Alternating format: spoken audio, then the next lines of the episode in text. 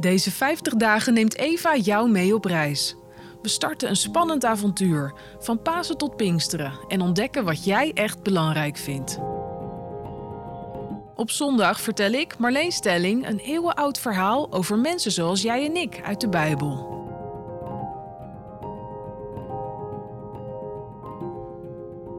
Ze hebben het lichaam van Jezus gestolen. Het lichaam van de man die zoveel voor haar heeft betekend. Maria kan het nog steeds niet geloven. De steen is weggehaald en het lichaam van degene van wie ze zoveel hield is er niet meer. Als ze voor de tweede keer huilend het graf inloopt waar Jezus lag, ontmoet ze plotseling drie mannen. Twee van hen zijn in het wit gekleed en zitten op de plek waar Jezus lag.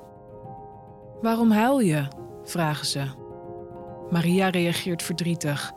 Ze hebben mijn Heer weggehaald en ik weet niet waar ze hem hebben neergelegd.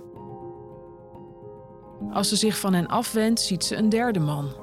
De tuinman, denkt ze. Ook deze man vraagt: Waarom huil je?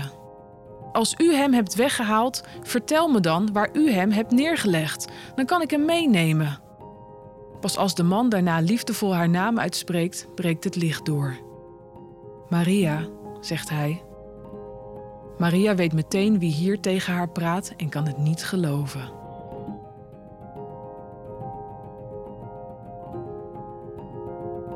Verdriet kan je dieper in je hart raken en lang blijven knagen. Als je hoopvolle verwachtingen stranden op een doodlopend spoor. Herken jij dat? Heb jij wel eens een situatie meegemaakt waarin je zo vast zat in je eigen gedachten dat je het licht niet meer zag? Wie hielp jou toen? Waar hield je je aan vast? Mail gerust naar eva.eo.nl.